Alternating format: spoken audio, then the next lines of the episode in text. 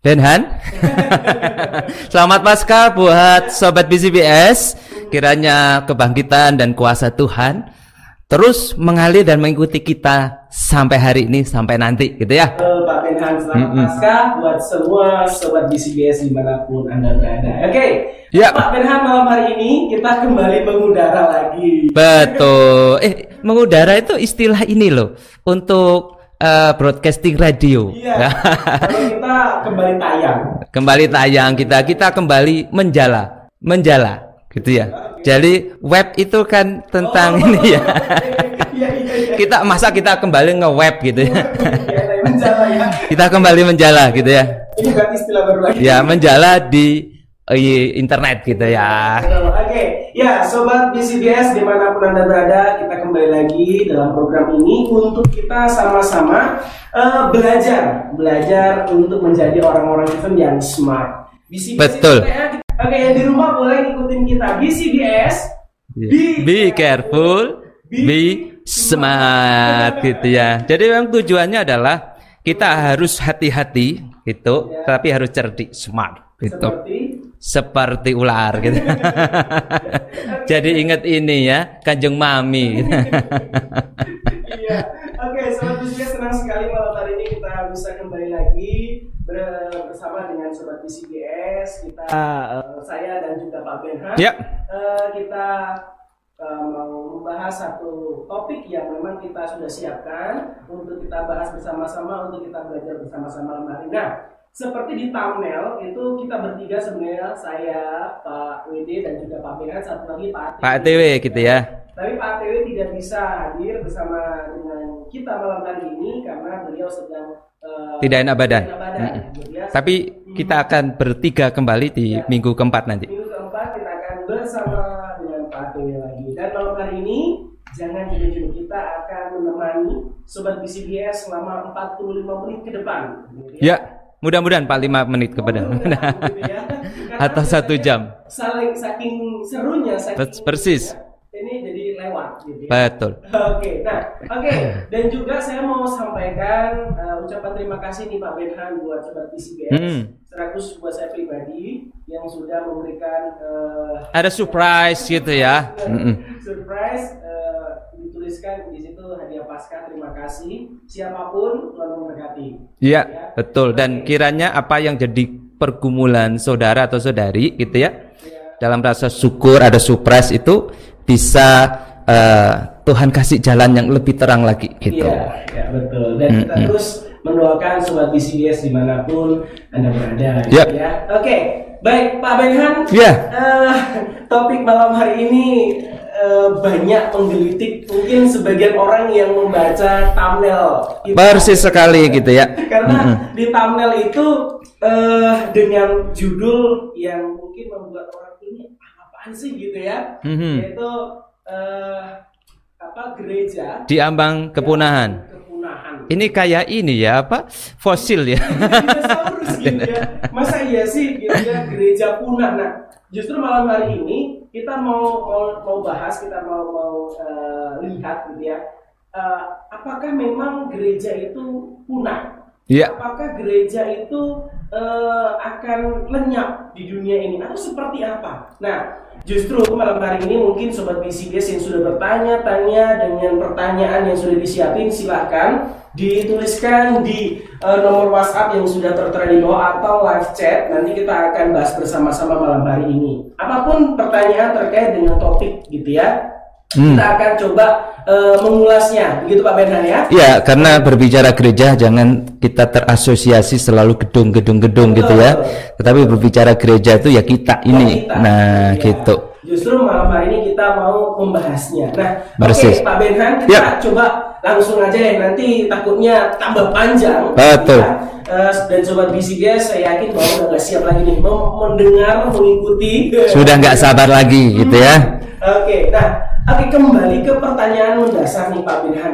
Eh, gereja punah. Hmm. Gereja yang seperti apa dan apakah memang gereja itu bisa punah? Ya ini pertanyaannya paling mendasar ya. Eh, gimana gitu loh? Ya, jadi kalau kita hari ini berbicara topik gereja memang masih terkait sama yang topik yang terakhir ya BCBS. Lalu kemudian dalam kebangkitan Tuhan itu melahirkan namanya gereja Gereja. gitu ya. Ya, betul Nanti kita akan masuk di era Pentakos Ya, dan juga kita nanti akan melihat bagaimana gereja ada yaitu kita juga gitu. Nah, berbicara punah memang ini sepertinya terlalu tendensius gitu Ya, ya. betul. Terlalu menilai bahwa gereja ini tidak ada masa depan. Ya. Nah, tetapi ini berbicara tentang koreksi. Koreksi dan memang juga ada fakta-fakta bahwa gereja itu tinggal nama. Tinggal nama saja. Tinggal nama seperti dinosaurus tinggal nama gitu ya. Gereja-gereja giant pada zaman dulu tinggal nama gitu. Sehingga kalau berbicara gereja punah itu pertanyaan lanjutannya adalah apa yang dimaksud punah? Ya. Lalu kemudian gereja mana yang disebut punah itu? Nah, itu. Oke. Kalau berbicara punah berarti eksistensinya sudah tidak ada lagi. Ya. Tinggal nama itu tadi ya. Tuh. Nah, kalau gereja mana? Nah, kita tidak bisa mengeneralisir yang disebut gereja adalah semuanya. Nah, secara institusional Ya. dan juga secara kehadiran itu tidak ada. Ya. Ya. Artinya itu sudah tinggal pelangnya atau tinggal sejarah saja. Tetapi kalau berbicara gereja adalah eh, ini umat Tuhan, tidak akan pernah gereja itu punah. Tidak akan pernah. Kalau itu berbicara tentang umat Tuhan dan diri kita gitu. Tetapi yang ada yang menyebut dirinya gereja yang kemudian tidak menjadi gereja. Ya. Artinya bahwa dulunya dia berkata aku umat Tuhan, kemudian tidak jadi umat Tuhan dan ada banyak yang seperti itu. Bisa jadi itu kita pakai istilahnya itu tiada gitu. Tiada. Atau mungkin bahasa seberang murtad atau bahasa kita mungkin pakai kata punah walaupun agak sedikit maksa sih gitu. Iya, iya, iya. Oke. Jadi eh, berarti kita harus bedain dua itu ya. Iya. Eh, gereja secara institusional Persis. dan juga gereja secara umat Tuhan. umat Tuhan yaitu diri kita ini gitu, personal organisme gitu ya. Ya, ya. Karena memang faktanya ada gereja secara institusi itu punah. Hmm, hmm. Itu ada faktanya. Berarti ada gitu ya. Ada. institusi. Ada gitu. Nah, ini menarik nih, gereja yang yang di mana atau seperti apa? Nah, catatan kitab suci kita luar biasa, Bapak Ibu, ya sobat PCBS ya. Karena ada tujuh gereja di Asia kecil yang tercatat di kitab Wahyu, bukan Bro Wahyu ya. Di kitab Wahyu itu ada Pergamus, ada Smyrna, Efesus gitu ya, Tiatira dan sebagainya. Itu tinggal nama. Oke. Tinggal nama dan kalau kita telisik hari ini itu kan ada di wilayah Turki. Kalau dulu Turki itu adalah menjadi sentra Injil gitu ya. Nah, sekarang bukan lagi sentra Injil gitu. Karena gereja-gereja ini tinggal puing-puing, bahkan ada yang berubah fungsi menjadi eh, bangunan yang lain gitu. Dan kita bisa katakan gereja di kitab Wahyu, tujuh gereja itu yang sudah diperingatin Tuhan itu punah.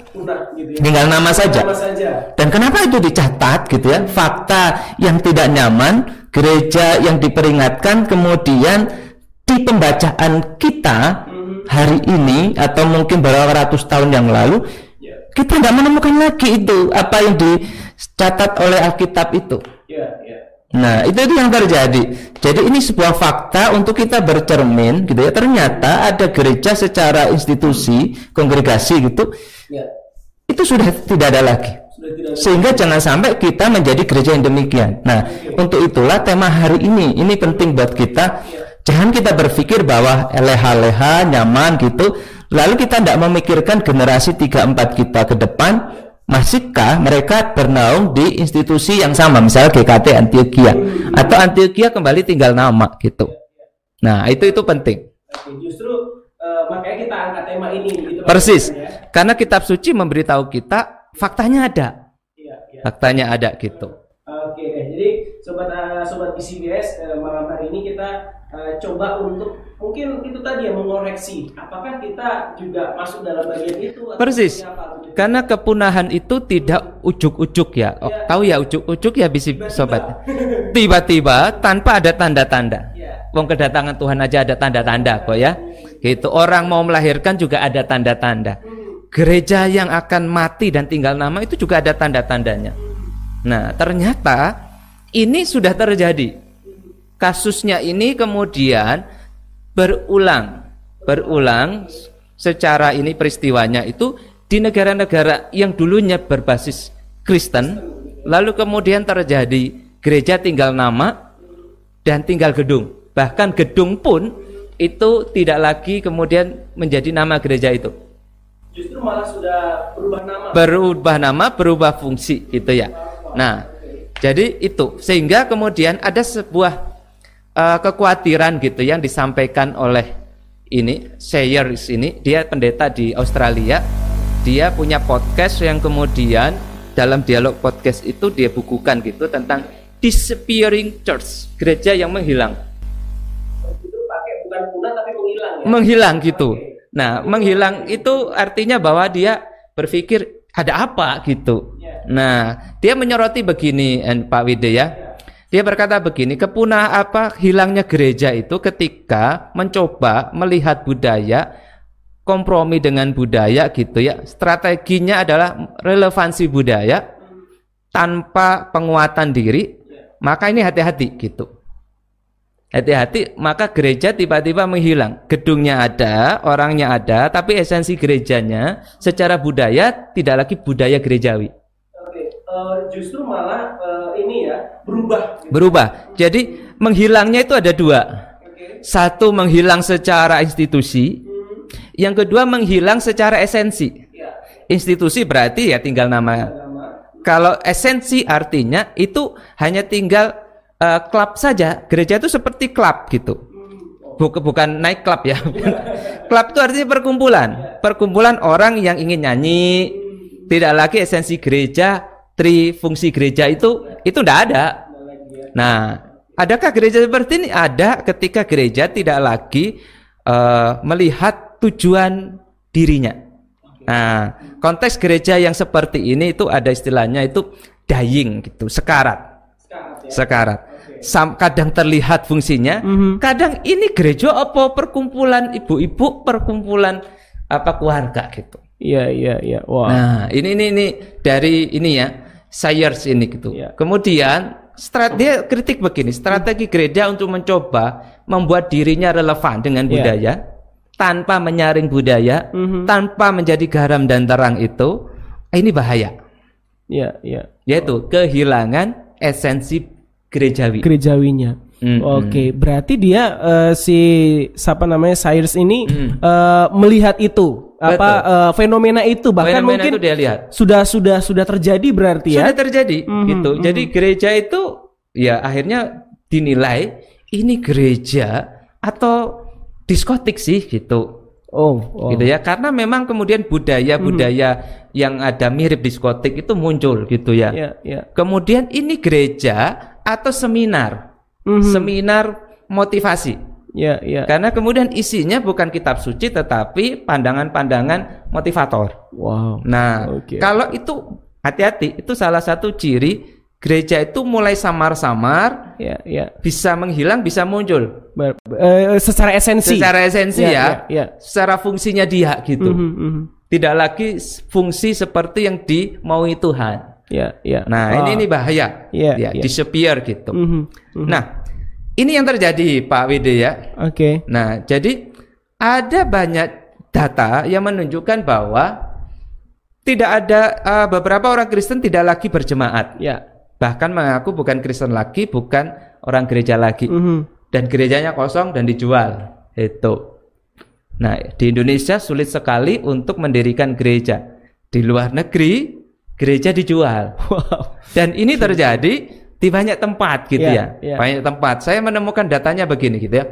Ini di di BBC News gitu ya. Mm-hmm. Nih, sorry sold out gitu ya.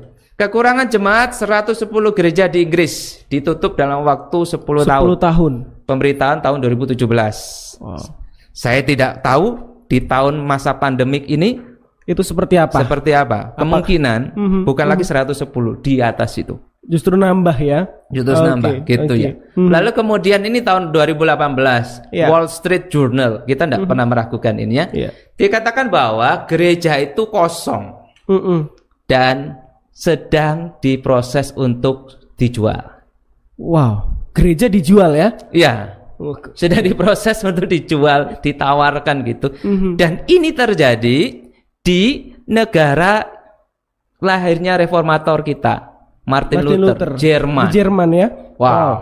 Hmm. Negara yang melahirkan pergerakan reformasi, di situlah terjadi krisis dan gereja dying bukan hanya dying, Mhm. dead gitu ya. Tinggal nama, tinggal gedung dan dijual. Karena apa? Yang datang jemaatnya itu sudah tidak ada lagi. Nah, itu itu itu di Jerman. Di Belanda juga sama. Di Belanda juga yang kental sekali dulunya dengan eh, pengajaran-pengajaran luar biasa kita mengenal istilah tulip itu dari sana. Dari sana. gitu ya. Aha, aha. Dan pengajaran itu pengajaran yang kuat, fundamental Mhm. gitu. Tapi gereja itu gede, Ya, ya. tapi diisi oleh emak-emak engkong-engkong. Jadi generasi-generasi yang lanjut pada ke mana gitu ya? yang Iya, melanjutkan. gitu. Mhm, Jadi kalau kita ada di sana jadi hamba Tuhan di sana, kita jadi idola. Ya, Karena jarang anak muda di sana gitu ya. Betul, Tapi tidak semua Belanda ya di Ya. beberapa negara apa bagian di Belanda gitu. Ya, ya. Ini yang terjadi Pak Wede gitu. Jadi kalau dikatakan tema kita itu tendensius, faktanya ada Ada gitu ya. Di Alkitab ada, di hari ini ada gitu ya. Nah, itu tapi kemudian kalau kemudian gereja itu tidak bisa berdiri karena situasi ya.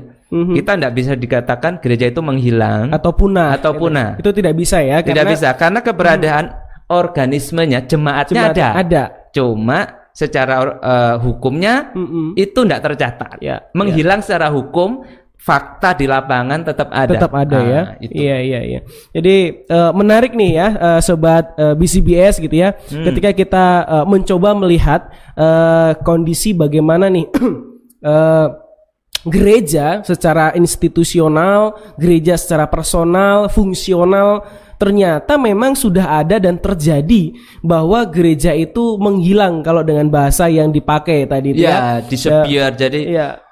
pelan-pelan mulai tidak nampak Iya, iya, iya. identitasnya, Betul. keberadaan secara komunalnya gitu Hmm, pelan-pelan gitu.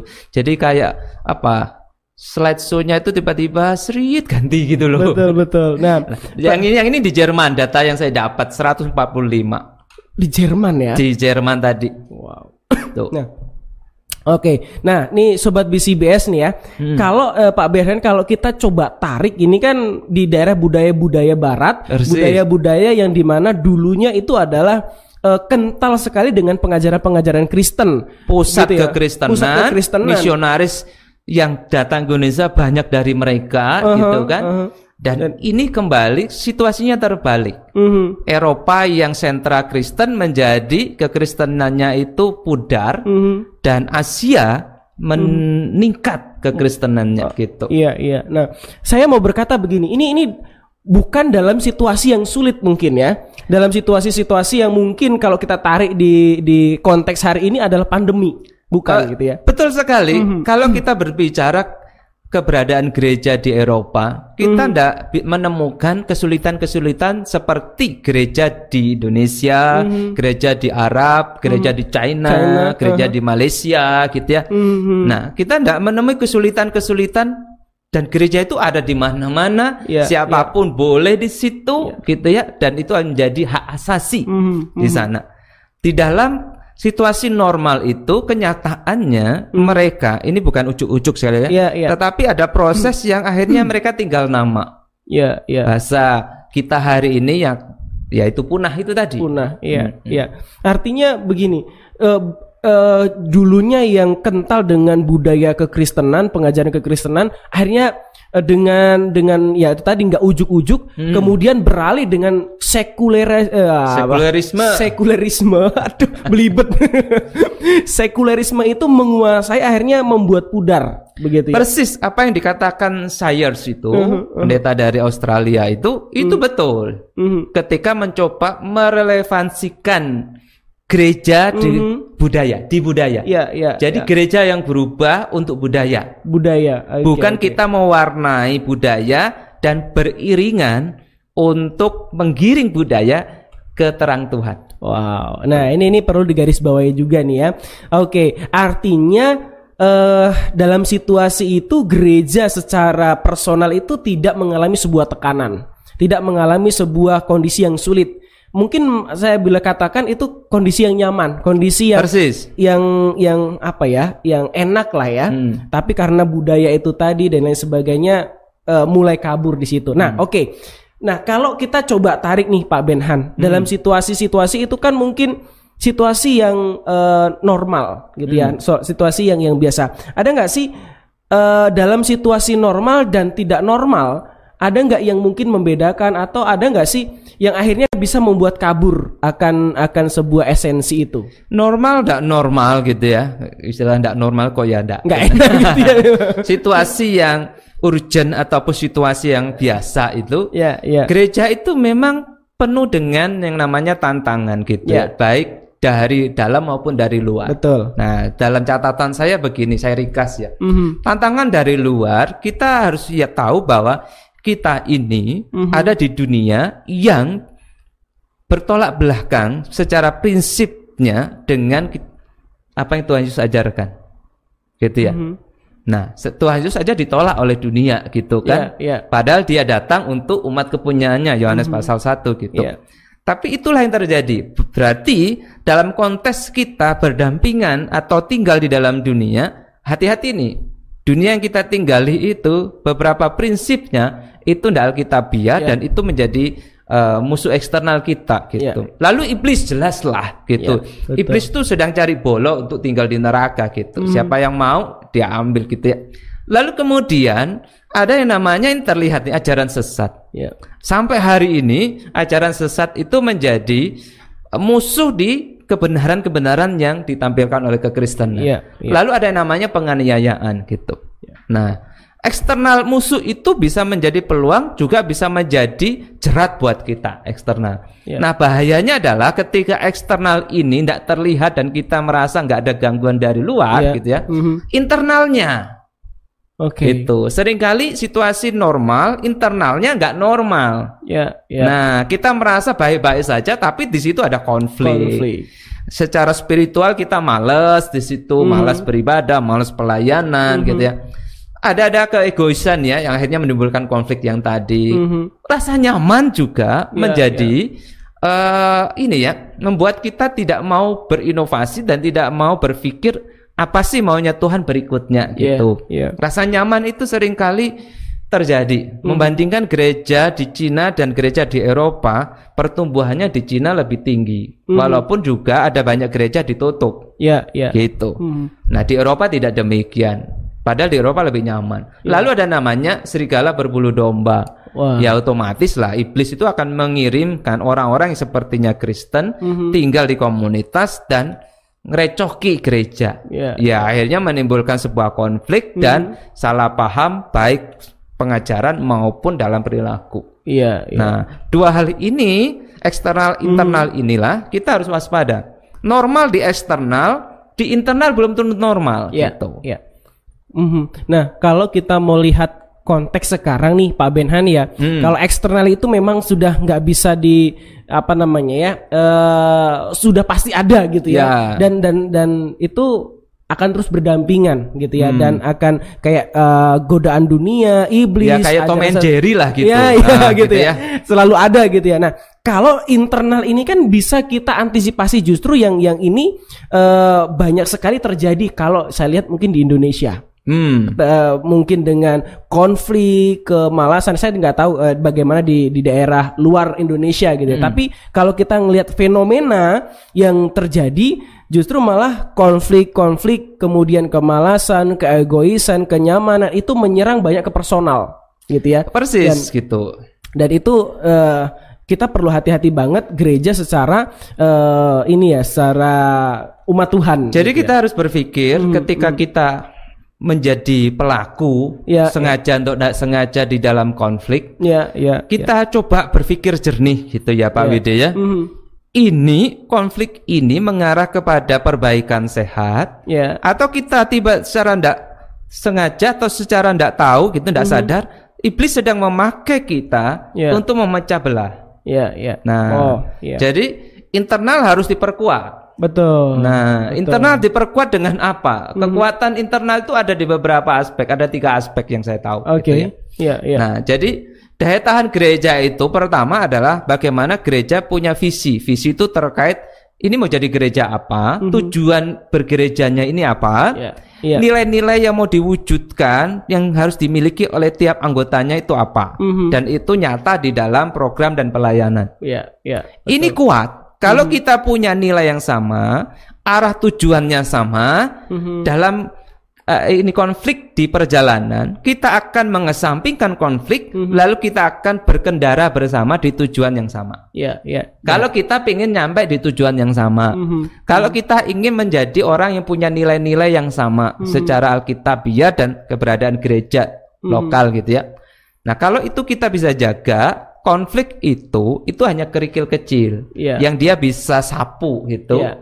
dengan ah enggak kok hatiku dan hatimu sama, Mhm. sama-sama sevisi setujuan. Mhm. Gitu. Dan mungkin juga justru malah konflik itu menjadi satu batu loncatan untuk makin ini lagi ya, ya. bisa jadi ber- bertumbuh gitu. begitu. Supaya kita itu tidak terlena di jalan tol yang mulus. Ya, ya. Gitu sering kali di sana. Betul Nah, sekali. Ya. Yang kedua adalah ini gitu. Pengembangan proses yang dirancang itu Mhm. untuk mendorong perilaku yang sesuai dengan tadi itu. Ada pengembangan. Mhm. Berarti ada inovasi-inovasi yang terus ada Ya, ya, supaya betul. visi makin didekati, nilai-nilai makin direngkuh di situ. Ya. Nah, kalau mulai pengembangan tidak ada, daya tahan akan menurun. Mhm. Contoh seperti seperti ini. Kita kalau mau membentuk badan gitu ya, kita kalau mau bentuk otot, Mhm. itu harus ada upaya namanya olahraga. Betul. Harus adanya upaya untuk membuat otot kita itu berkembang. Mhm. Tanpa ada pengembangan otot, kita juga akan makin merosot. Ya. Tanpa pengembangan iman, kita juga makin merosot di situ gitu ya. Otot dan iman itu adalah bagian yang bisa kita selaraskan contohnya. Ya, ya. Nah, yang ketiga, ini yang juga harus diakui ini kita ini Pak WD ya, Mhm. Ya. punya peranan penting untuk proses ketahanan gereja. Gereja. Pemimpin. Ya, ya. Jadi kalau berbicara pemimpin itu di ring 3 Mhm. itu ring-ring paling luar yang ini ya ring-ring-ring yang yang agak nyaman itu majelis Ya. lalu kemudian eh, tim hamba Tuhan lalu yang paling mentok itu adalah gembala sidang Ya, ya. nah kalau kemudian yang pertama ini itu tidak terlalu kuat tim hamba Tuhan harus kuat Harus kuat. Ya. kalau tim hamba Tuhan tuh perlu kuat lagi leadership gembala sidang harus, Harus kuat kuat. Ya. nah inilah daya tahan Mhm. cilaka ketika di puncak leadership Mhm. itu daya tahannya turun, Iya. mempengaruhi tim, mempengaruhi majelis. Ya. Ya. Nah, ini ini ini bahaya dan juga warning buat buat saya ya dan Mhm. juga buat, Buat kita, kita. pemimpin Mhm. gereja Iya. bahwa daya tahan gereja mau nggak mau Mhm. Sering kali gereja rontok Mhm. ketika diserang pemimpinnya kena kasus. Iya. Nah, ini kena Dan- kasus ya dan gereja itu langsung druk rontok. Ya, betul sekali gitu ya. Wah, ini ternyata eh, kalau kita mau lihat eh, kondisinya, situasinya, kemudian fakta-fakta yang ada dan ini juga warning buat kita ini wah luar biasa sekali gitu ya Pak Benhan. Betul. Nah, Mm-mm. Oke nih Pak Benhan sebelum kita lanjut ini ada respon dari sobat BCBS gitu ya. Ini sobat BCBS yang terus setia. Terima kasih Ibu Maria Ida. Bu Maria ini bilang begini nih Pak Benhan. Eh, bukankah gereja itu esensinya hati setiap manusia? Jika jika penuh siapa yang akan memenuhi surga nanti? Dan apakah tidak sia-sia pengorbanan Tuhan Yesus jika begitu? Maksudnya mungkin yang dimasukkan Ibu Maria Ida ini dari topik itu tadi. Mhm. Eh, apa gereja punah tadi gitu ya? Ya punnya adalah seleksi gitu ya. Iya iya Eh, gitu. Eh, Berarti Ya, ya, gereja ya, ya. kosong dong gitu. Tenang, Tuhan Yesus pernah ngomong begini itu. Hmm. Jangan khawatir. Hmm. Di tempat di mana aku berada, kamu berada. Ya. Cukup kok tempatnya gitu. Iya. nah ini yang yang Ibu Maria Ida nih kalau gereja punah berarti sana kosong dong. Atau sebaliknya, kalau gereja bertebaran, sana kepenuhan. Kepenuhan.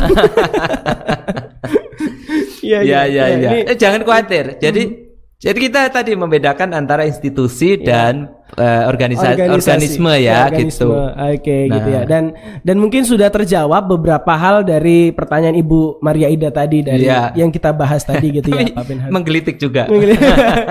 betul betul. Nah, oke deh, eh, Pak Benhan, kita kita lanjut lagi Ya, ya, gitu ya. hmm. Tapi sobat BCBS, eh, kita juga terus eh, masih tunggu gitu ya interaksi dari sobat BCBS bisa langsung eh, live di live chat langsung aja Ya, gitu ya. pertanyaan-pertanyaan yang ada. Hmm. Silakan respon, silakan bertanya apa saja atau kemudian wait and see silakan Hmm. sambil merefleksi ini. Kalau Ya, kita hamba. Tuhan majelis nanti kita akan melihat ciri-cirinya. Betul. Ciri-ciri menuju ambang kepunahan. Ambang kepunahan. Nah, itu kita ada di sana atau enggak? Kalau Yes. enggak ada di sana aman, Aman, tapi harus Tuhan. harus be careful. Be careful, harus smart gitu ya. Ya, gitu. Oke, nah nih Pak Benny kita Ya. coba melanjutkan gitu ya. Mhm. Nah, dalam kondisi normal tentang apa gereja ini, ada nggak sih tantangan-tantangan yang eh, kalau ini kan tadi daya tahan gereja nih. Yes. Kalau dalam kondisi seperti ini seperti ini pasti akan rontoh. Hmm. Nah, tantangan-tantangan seperti apa yang mungkin dalam kondisi-kondisi normal, kondisi-kondisi yang kita eh, sebagai gereja itu nyaman? Oke, nggak? gini ya. Oke. Dal- dalam kondisi normal itu bukan berarti tidak ada tantangan. Mhm. Ada tantangan. Dalam kondisi angin sepoi-sepoi itu tantangannya ada. Dalam Hmm. kondisi badai kita terlihat tantangannya. Sepoi-sepoi belum tentu kita melihat tantangan. Tiba-tiba jatuh aja gitu. Ya betul itu, gitu ya. Iya, iya. Nah, eh, saya tertarik sekali sama bukunya Gary McIntosh ini ya, Hmm. Taking Your Church to the Next Level. Di sini dia melihat secara normatif gereja itu punya siklusnya, stage-nya, siklus. Oke. Nah, siklusnya kayak gini gitu ya. Ini siklusnya. Jadi berbicara kehadiran, berbicara tahun usia gitu. Iya, iya. Nah, siklusnya adalah dimulai dari ini ya, kurva naik, tapi ada siklus naik turun. Jadi ini bertumbuh, lalu ini stuck, stagnan, melandai gitu ya. Pertumbuhannya ada, tapi kemudian turun lagi itu stuck tuh. Tapi tiba-tiba menurun, Betul. menurun menurun sampai sekarat. Ya, sekaratnya di, di sebelah sini ya. Menurun menurun sampai sekarat. Nah, sekarat itu, dying itu adalah istilah diambang kepunahan Betul. diambang nih berarti masih di garis sekali salah langkah habis Habis gitu ya. Gitu ya. Iya. Nah, ini jadi usia gereja usia 15 sampai 20 tahun itu biasanya itu sedang bertumbuh nih. Ya, terus Bertumbuh. naik Setelah gitu 20 ya. tahun tuh mulai stabil, mulai Mhm. stagnan, itu 20 tahun, 40 tahun. Berarti Antioquia ada di tengah ini. Ya, ya. Gitu ya, secara usia gitu ya. Betul. Lalu menginjak kemudian gitu di atasnya gitu ya. Itu mulai turun gitu ya, di atas 40-an, sorry ya. 30 sampai 40. Eh sampai berapa itu? Ya, 30 sampai 40 Iya. ya. Itu bisa artinya di pertengahan bisa ada yang langsung turun, Iya. ada kemudian di 40 kemudian turun gitu ya tergantung cara menyingkapi apa yang terjadi gitu. Iya, iya. Dan ketika sudah turun, tidak segera diantisipasi, sekarat koma, ah ini bahaya gitu. Mhm. Nah, bahaya gitu. Iya, nah, ini ini yang terjadi gitu ya. Lalu, nah, kemudian dia bagi ini secara lebih Mhm. mendetail lagi seperti ini, Pak Wede ya. Jadi ada gereja yang growing, growing itu naik meningkat gitu ya. Ya. Nah, lalu ada gereja yang consolidation. Jadi dia lagi konsolidasi, dia lagi proses menikmati gitu Iya, ya. iya. Proses di dalam itu banyak kegiatan ribet gitu ya. Iya. Tapi kemudian mulai turun, mulai turun, declining, itu turun sampai dying. Dying ya. Di situ. Oh, Oke. Oke. Nah, ini ini siklus normal. Gereja yang sukses kita hanya lihat misalnya gerejanya Rick Warren atau gerejanya Harvest ya di, di Singapura. Ya. Kita lihat tuh koyoknya naik terus. Enggak ternyata. Mereka ada saat proses turun lalu naik lagi. Mhm. Jadi siklus ini berlaku Ya. untuk semua gereja secara normatif, secara normal gitu. Mhm. Dan kalau ini terjadi, mari kita lihat nih posisi-posisi kita di mana. Ya, di Yang perlu mana? kita lihat adalah ciri-ciri dari declining, menurun dan ciri-ciri dari dying ataupun sekarat. Sekarat ya. Oke, berarti kita harus harus bisa mengidentifikasi kita di mana gitu gitu, ya. ya. Jadi kita harus general check up gitu Mhm, ya. ya, general nah, check Mac- up. McIntosh ini pernah dia menerbitkan general check up-nya, ada checklist-checklistnya Ya, ya, ya. yang bisa diberikan kepada aktivis gereja, hamba Tuhan, majelis gitu ya. Mhm. Checklist, checklist, checklist. Lalu kemudian dari rangkuman itu ada di posisi mana? Ya, itu ada kok alat ukurnya ini. Ya, ya. Nah, ki- kita pernah lakukan ini gitu, Ya, checklist ya, kita, kita. pernah kita, lakukan di gereja, itu. betul. Mhm. Nah, nanti pengen tahu hasilnya kayak apa di sebelum pandemi nanti kita kasih tahu. Ya, ya. Ya. Nah, jadi gini, ini nih ada proses puncak pertumbuhan. Ini normal. Kita Ya. pernah puncak pertumbuhan tuh tidak sama tiap gereja Betul. secara angka, Mhm. gitu ya. Tapi kemudian ada masa konsolidasi di situ, agak Ya. bertahan angkanya gitu, Hmm. mendatar gitu ya. Lalu lama kelamaan kalau konsolidasi ini terus muter di dalam, terjadi namanya stagnasi. Ya. Kalau stagnasi gitu ya seperti air tanpa saluran Ya. butek Iya. Nah, butek ya. Iya, iya, iya. Keruh, keruh. Bahasanya. Butek. Keruh. Ketika keruh, itu tadi. Tantangan internal mulai menggejala di situ. Mulai menggoda. Iya, Wah. jadi pandangan tak lagi jernih, salah paham banyak terjadi. Iya. Nah, ini butek gitu ya. Mhm. Kuatirnya di masa pandemi, masa pandemi itu masa abnormal. Ya, abnormal. Ini gereja lagi keruh ini Iya. pandangannya Pandangannya ya. di situ. Iya, iya. Nah, ketika stagnan, hati-hati, terlalu lama Mhm. sulit untuk apa istilahnya ya? Up lagi. Up naik. lagi, naik lagi gitu. Jadi kalau istilah kita cas baterai itu sulit untuk naik anunya, prosentasenya, Iya. eh, kemampuannya itu. Nah, itu yang terjadi. Lalu kemudian banyak sekali kemudian gereja kemudian melakukan pembaharuan supaya siklusnya ini ya, siklusnya ini Mhm. itu tidak segera terlalu menurun tapi naik lagi. Naik lagi. Nah, itu gereja yang sehat, gereja yang menangkap warning dari Tuhan. Ya, karena mungkin sudah mengidentifikasi Persis gitu ya. gitu. Oke. Sebenarnya tanda-tandanya ada. Contoh Hmm. ya, kita itu punya sakit jantung. Ya, ya. Tanda-tandanya ada supaya tidak makin parah. Kita harus antisipasi nih peka ini kalau tanda ini apa, tanda ini apa, tanda ini apa. Iya, iya. Gitu. Kalau kita biarkan dan berkata mindset kita, "Oh, enggak, aku sehat." Tapi badan itu berkata, "Enggak, ini ada ah, nih, penyakit ini." Ya. Nah, jangan tapi jangan sampai kita termanipulasi oleh uh, fakta di depan mata yang sesungguhnya itu mulai ini disappear itu meng- menghilang fungsinya. Menghilang fungsinya. Ya, ya. Situ ya. Mhm, mhm. Nah, jadi kalau kita ini berbicara tentang ini ya ciri-cirinya, Mhm. pertama kita lihat dari visi dan tujuan bergereja. Ingat tadi ini kekuatan utama kan? Ya. Visi tadi itu dari tiga kekuatan, ini kekuatan pertama. Ya, ya. Visinya apa, tujuan gerejanya apa, itu akan menentukan gitu. Ya. Nah, jadi saya tidak berbicara, tidak akan banyak di consolidation, Ya, ya. ya, tetapi banyak ke declining sama dying gitu ya. Mhm, mhm. Saya tidak terlalu bisa lihat, saya lihat ini. Mhm. Nah, ketika kita berbicara tentang ini ya, declining gitu, Mhm. yang terjadi adalah begini, ketika berbicara visi, pendatang gitu ya, jemaat baru dan generasi ketiga Ya. dari pendiri itu itu nggak ngerti ini gereja visinya apa, misinya apa. Ya, ya. Parahnya lagi begini, ada satu gereja ini, Mhm. bukan GKT ya. Ini cerita dosen saya. Dia berkata gini, eh eh, majelis ke majelis. Visi gereja saudara ini ya. Masa sih Pak? Wow, eh, berarti nggak tahu gitu Nggak ya? tahu loh. Di- Bapak kok tahu? Saya aja nggak hafal gitu kan? Eh, Itu nggak terlalu ingat. Loh ada di warta. Tertulis di warta. mhm. Tapi dia nggak pernah bisa menghidupi visi itu. Ya, ya. Nggak tahu dia generasi keberapa gitu. Mhm. Tapi parahnya gini, pendatang baru nggak tahu ini gereja apa, nilai-nilainya apa, visinya apa, misinya apa, Mhm. gitu. Cilakanya generasi ketiga tidak juga memahami itu. Mhm. Ini artinya dia sedang declining nih, Ya, lagi ya. turun nih. Ya. Wah ini bahaya nih. Ini gereja, bapak ibu tahu nggak visi misinya gereja masing-masing? Nah ini ini juga harus di, perlu dipertanyakan gitu ya supaya jangan hanya sekedar eh, apa namanya ya bergereja bergereja tapi nggak tahu visinya. Mhm. Dan kemudian diperparah dengan generasi tua itu berpikir bahwa biasanya visi itu ada perubahan ya. Ya ya.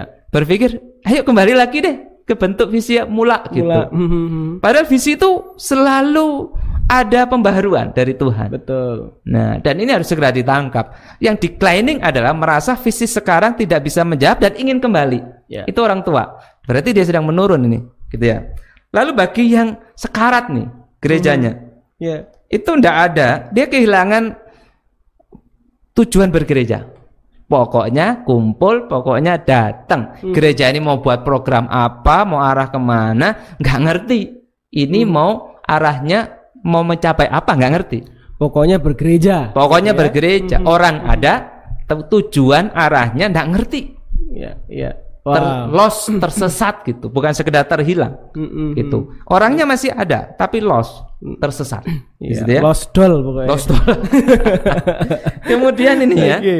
Jadi tujuannya adalah pokoknya kumpul, ayo susun budget. Ya. Kita mau buat apa? Mhm. Kegiatan apa? Makan-makan, pembicara siapa? Betul. Jadi program oriented tanpa tahu visi apa sehingga pokoknya ada kegiatan. Ya. ya. Ini hati-hati. Betul. Ini sudah mengarah kepada visi yang sekarat ini dari gereja. Wow, jadi ini sobat BCBS ternyata eh, kita betul-betul harus tahu nih gereja ketika kita bergereja atau ketika kita menjadi pengurus majelis Hmm. atau jemaat sekalipun kita harus tahu bener nih Tuhan mau apa dalam diri saya melalui gereja ini melalui visinya gitu ya. Persis gitu. Oke, Nah, baik, baik. kalau ndak kalau misalnya kita ya, kita ndak peduli tujuan bergereja, baik Hmm. batuan majelis apa pokoknya jemaat usul ini ada kegiatan ini hitung budget bisa jalan-jalan. Jalan gitu ya. Rame seneng tapi tujuan nggak tercapai. Akhirnya- Karena ndak ada. Betul, betul. Akhirnya jadilah dengan istilah lost doll tadi itu. Lost doll, lost anggaran, doll visinya. Oke, baik ini juga ada respon lagi nih dari Ibu Maria Ida nih. Mungkinkah per mungkinkah berjalannya waktu gereja-gereja organisasi di seluruh dunia nantinya akan punah? Jika demikian, bagaimanakah hamba-hamba Tuhan yang percaya atau yang pernah percaya berada? Nah, kalau berbicara secara organisasi itu punah, Hmm. saya ndak yakin. Ya, Karena gereja itu didirikan di dalam pengakuan tentang Tuhan Yesus Kristus dan Allah Tritunggal itu ya. ya. Di situ. Tapi kalau gereja itu kemudian Tuhan tutup. Mhm. Gere- tanpa Tuhan izinkan, tanpa Tuhan berkehendak untuk tutup, tidak bisa gereja itu kemudian hilang gitu.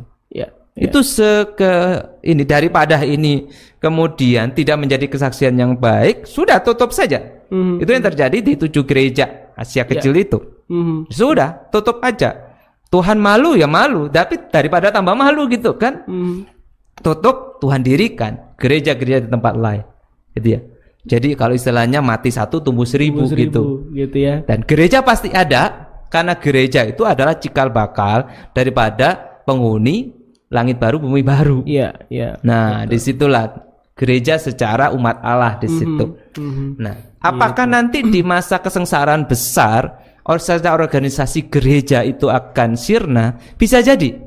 Tetapi yang namanya umat Allah tidak akan pernah sirna. Sirna, Nah, gitu ya. itu ya. Oke, ya ini mungkin eh, menjawab ya Ibu Maria Ida dari pertanyaan Ibu gitu ya. Oke, baik nih Pak Benhan. Selain daripada visi gitu ya, tantangan apa lagi yang mungkin bisa eh, timbul atau terjadi di sebuah Ciri-ciri nanti Cirinya. ya. Oke. Ini tentang visi ya. Iya. Ini penting banget. Kalau kita merasa gereja itu hidup tapi tidak punya tujuan, yaitu tadi Mhm. secara esensi disappear, Ya. mulai redup dan menghilang. Atau juga bisa kita bilang zombie ya. ya bisa menjadi perkumpulan saja klub Ya, gitu. klub Nah, gitu ya. visi pentingnya Antioquia ada visinya gitu. ya. Mengasihi Allah, mengasihi umatnya, mengasihi sesama. Sesama, ya, Nah, betul. itu visinya tiga kasih, satu kasih untuk tiga Untuk tiga. di situ. Nah, ini harus diingat gitu ya. Jadi apa pun kita lakukan adalah pertama-tama ini harus untuk tujuannya cinta kita sama Allah. Ya.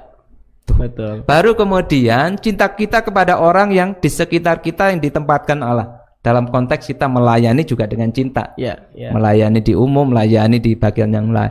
Jangan lupa, kita harus menjangkau keluar dengan cinta. Ya, sesama. Nah, menjangkau kasih dengan cinta, menjangkau bulan terang dengan cinta gitu. Mhm. Itu visi Iya. kita gitu ya. Betul. Nah, oke. Lalu ah ini tadi keterlibatan jemaat gitu ya.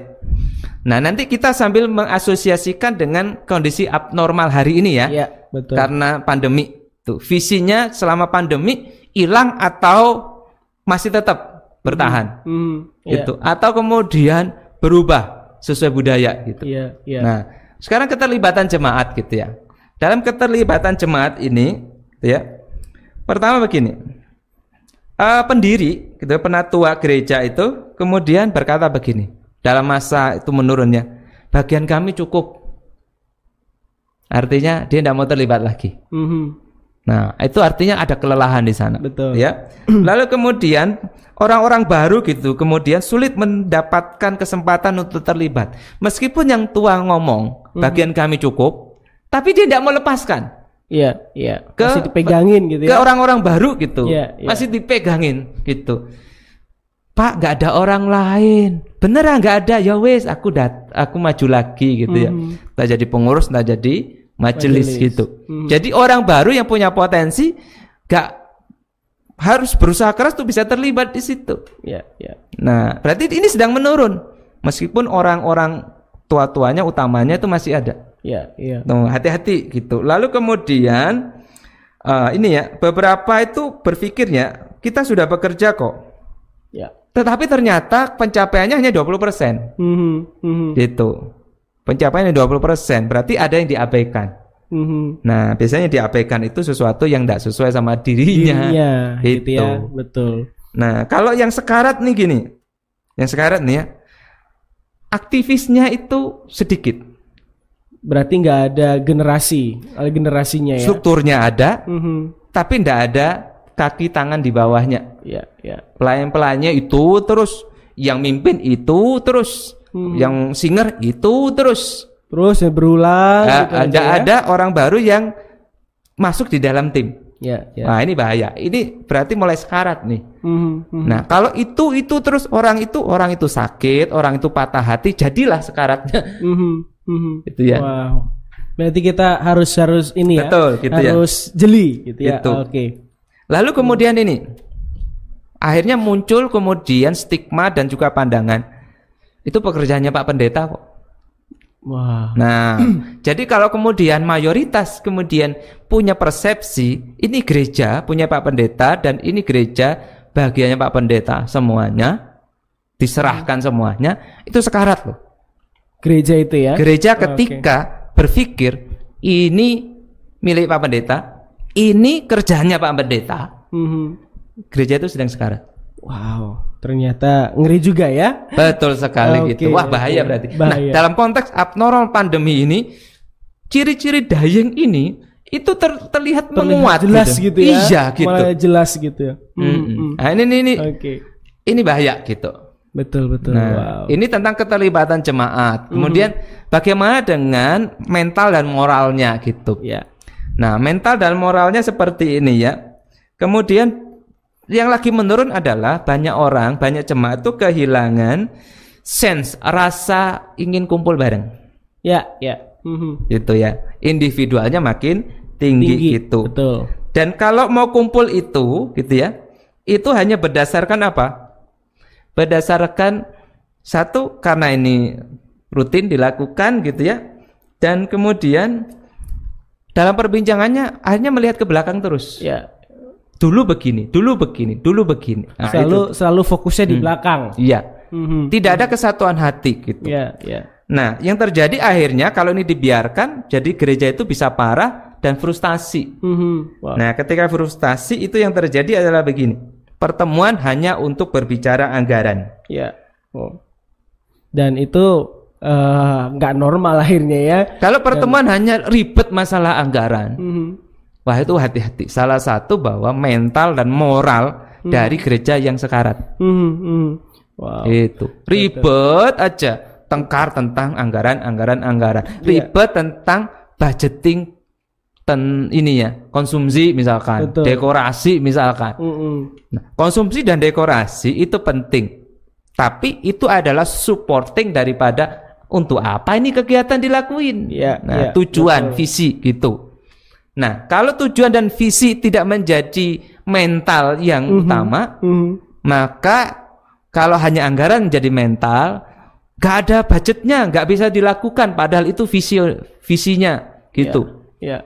Nah ini sedang ciri-ciri dayeng nih secara moral nih. Betul sekali. Tuh. Nah, ini ternyata nih sobat BCBS eh, banyak hal kita harus mengidentifikasi gitu ya. Kita sebagai gereja secara eh, apa personal ya, gini kita tidak hanya berbicara sebagai organisasi yang yang utuh tapi kita juga berbicara sebagai personal itu seperti apa, pribadi kita seperti apa gitu ya. Hmm. Nah, ini Pak Benhan pasti juga eh, ada banyak ciri-ciri yang lain nih, Banyak, gitu. ya. banyak ciri-ciri yang lain. Nah, tetapi hal apa yang paling mendasar nih? Pertanyaan yang paling mendasar untuk kita itu eh, akhirnya tidak terjebak dalam si- situasi atau dalam kondisi seperti ini nih.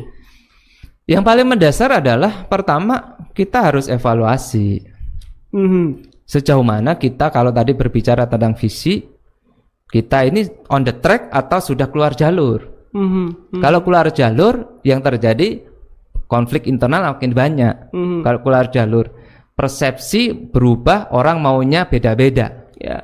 Nggak bisa disatukan lagi. Secara moral dan keterlibatan juga akhirnya menurun di situ. Ya, Otomatis menurun gitu kan ketika nggak satu tujuan kok di sana. Nah, ketika itu terjadi, segera nih, Mhm. segera untuk melihat dan stop di situ. Lakukan pembaharuan. Oke, berarti itu kuncinya ya supaya kita tidak itu tadi tidak Jangan sampai begini ya, Pak WD ya. Mhm, Kita ini ngerasa kok gereja ngini-ngini terus ya. ya ya Itu perasaan baik, tapi kemudian tiap orang punya sense apa itu ya urgensinya, sense apa itu kepekaannya itu beda-beda. Mhm. Lalu punya maksud enak gereja dibuat ini aja ya. Yang satu enak di gereja dibuat kayak B aja ya. Mhm, mhm. Tidak ada eh, real yang disepakati bersama itu menjadi menambah bukan menjadi menambah status sekarat gereja. ya ya Sepertinya terjadi intensitas ingin berubah. Sepertinya. sepertinya Tetapi keinginan berubah yang berbeda itu meresponinya tidak sama, gitu ya. Kalau kita yang lalu berbicara tentang art, gitu ya, itu yang yang berselancar tengah gelombang. ya Nah, kita adaptasinya nggak sama, gitunya. Kemudian respon kita nggak sama, dan transformasi yang kita mau itu berbeda, gitu ya. Yang terjadi adalah stres berikutnya, menambah gelombang stres, dan gereja itu akan menimbulkan memunculkan konflik baru. konflik-konflik baru lagi karena Persis. akhirnya berjalan masing-masing gitu ya. Persis.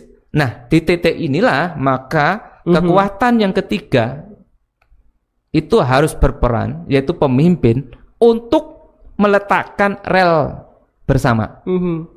Visi itu tadi. Betul, karena itu ada di ring pertama ya. Iya. Yang harusnya menjadi sebuah benteng kokoh untuk eh, apa sebuah gereja itu tetap ini ya. Orang sering kali ingin kemudian ras apa ini siklus turun itu segera naik dengan ca- ca- cara instan. Iya. Cara instannya adalah kegiatan dan program. Ya, ya.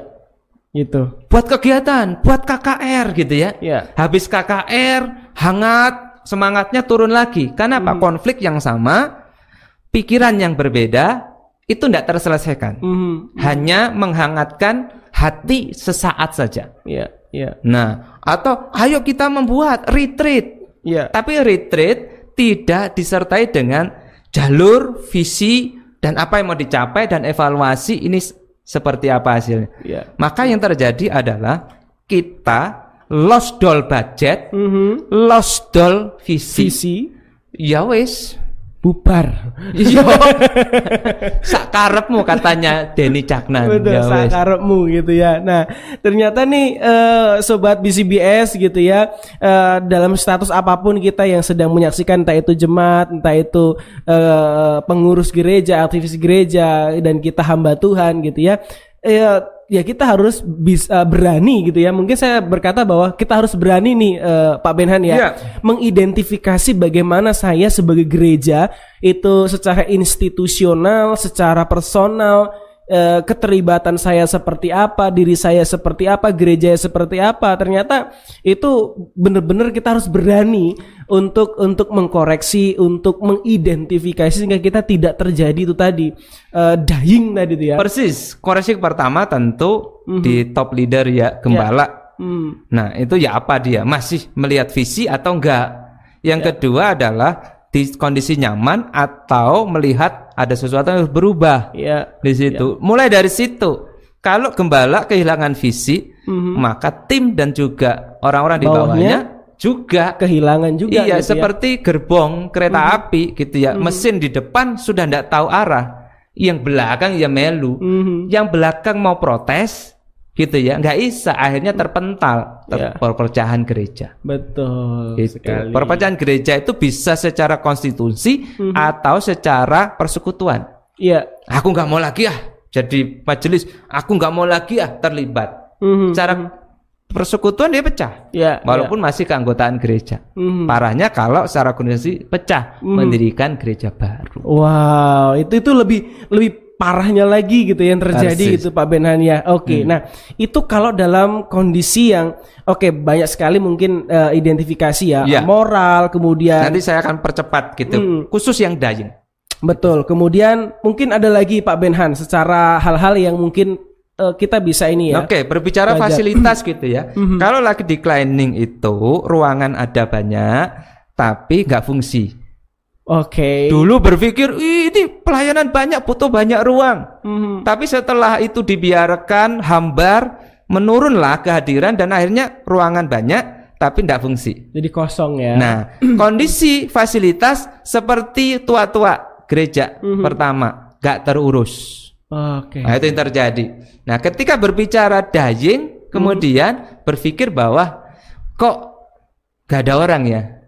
Mhm. Mhm. Keanggotaan banyak tapi gak ada orang tuh kegiatan-kegiatan yang lain. Iya, banyak iya. bangku kosong di situ. Mhm. Nah, ini nih bahaya nih. Keanggotaan besar tapi bangku kosong.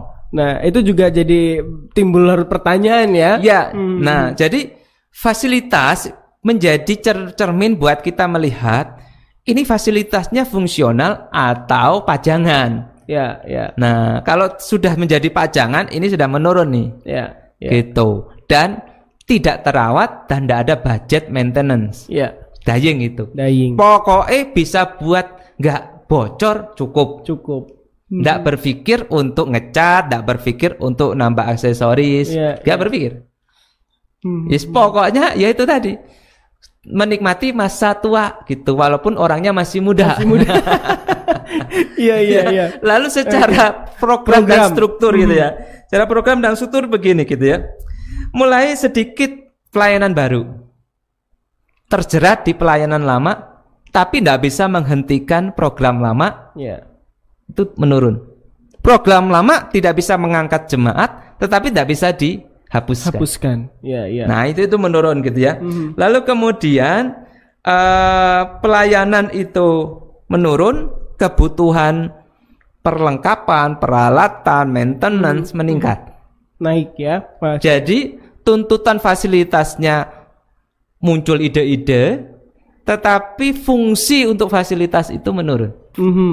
Eh kita butuh ini loh, kita butuh ini gitu ya. Mhm. Tapi tidak ada yang respon karena sedikit yang mau terlibat Mhm. secara keterlibatan jemaat. Ya, ya. Nah, jadi itu jangan hanya berpikir fasilitas tapi berpikir orangnya ada atau enggak gitu. Ya, ya. Nah, kita kejebak kita butuh ini butuh ini. Nah, ini terjadi. Mhm. Ada masanya gereja itu berpikir tentang hamba Tuhan yang banyak di tiap komisi. Ya.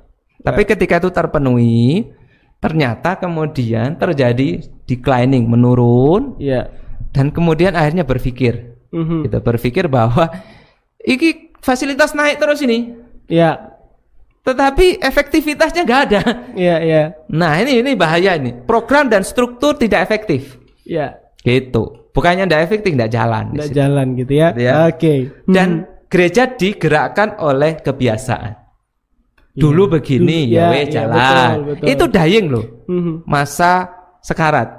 Dulu begini bukan berarti dulu itu tidak baik. Betul. Tapi Sem- kalau dulu tidak dilakukan yang namanya transformasi cara Mhm. gitu ya. Ya sudah. Tradisi menggerakkan gereja, Gereja. tidak ada inovasi. Karena yang jadi standarnya itu dulu dulu Dulu. dulu dulu gitu ya. Dulu itu ya. Piano harga 30 juta second wis oke. Mhm. Jadi cukup itu standarnya gitu ya. Sekarang Sekarang ya ketinggalan. membutuhkan bukan hanya piano tiga harga 30 gitu, tapi full band misalkan Iya, ya. iya. Nah, itu parahnya di situ.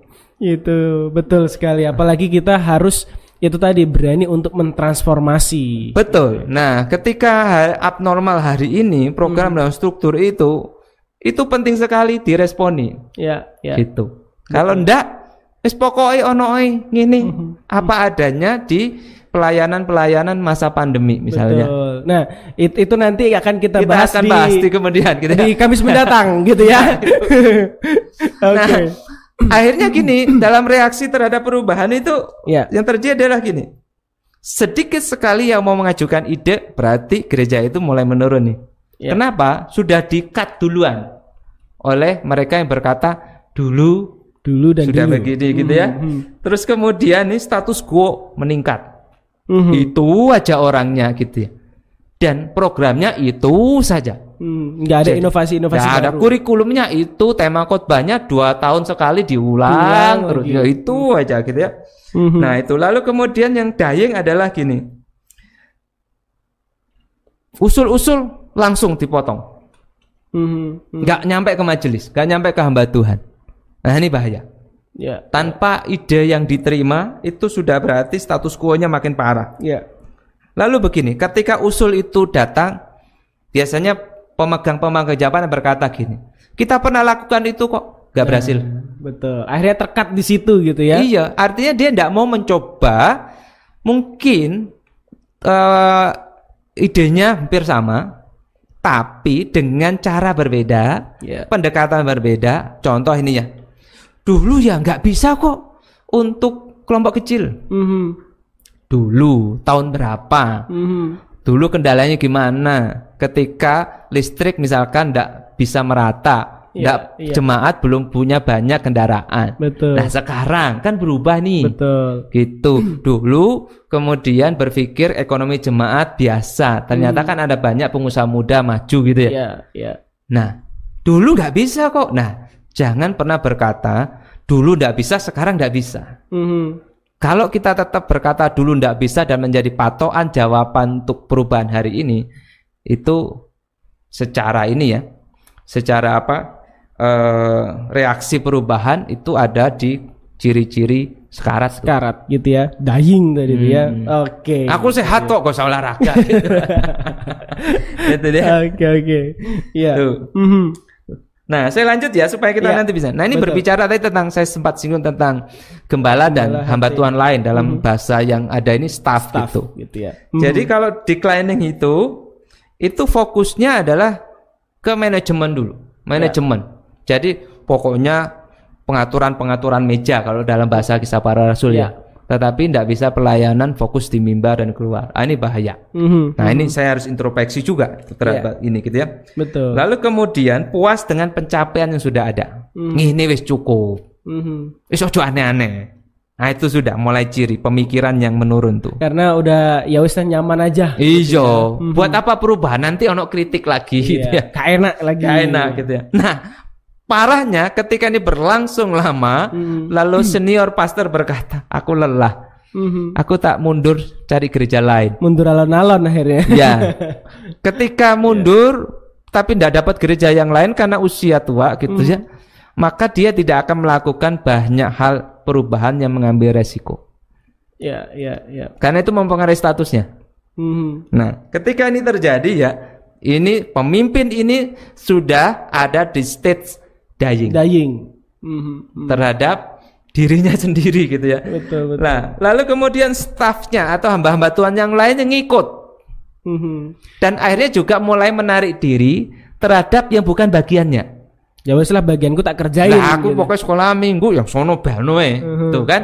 Nah, kalau itu terjadi, ini mentalitas hamba Tuhan yang di gereja yang mulai sekarat nih. Ya.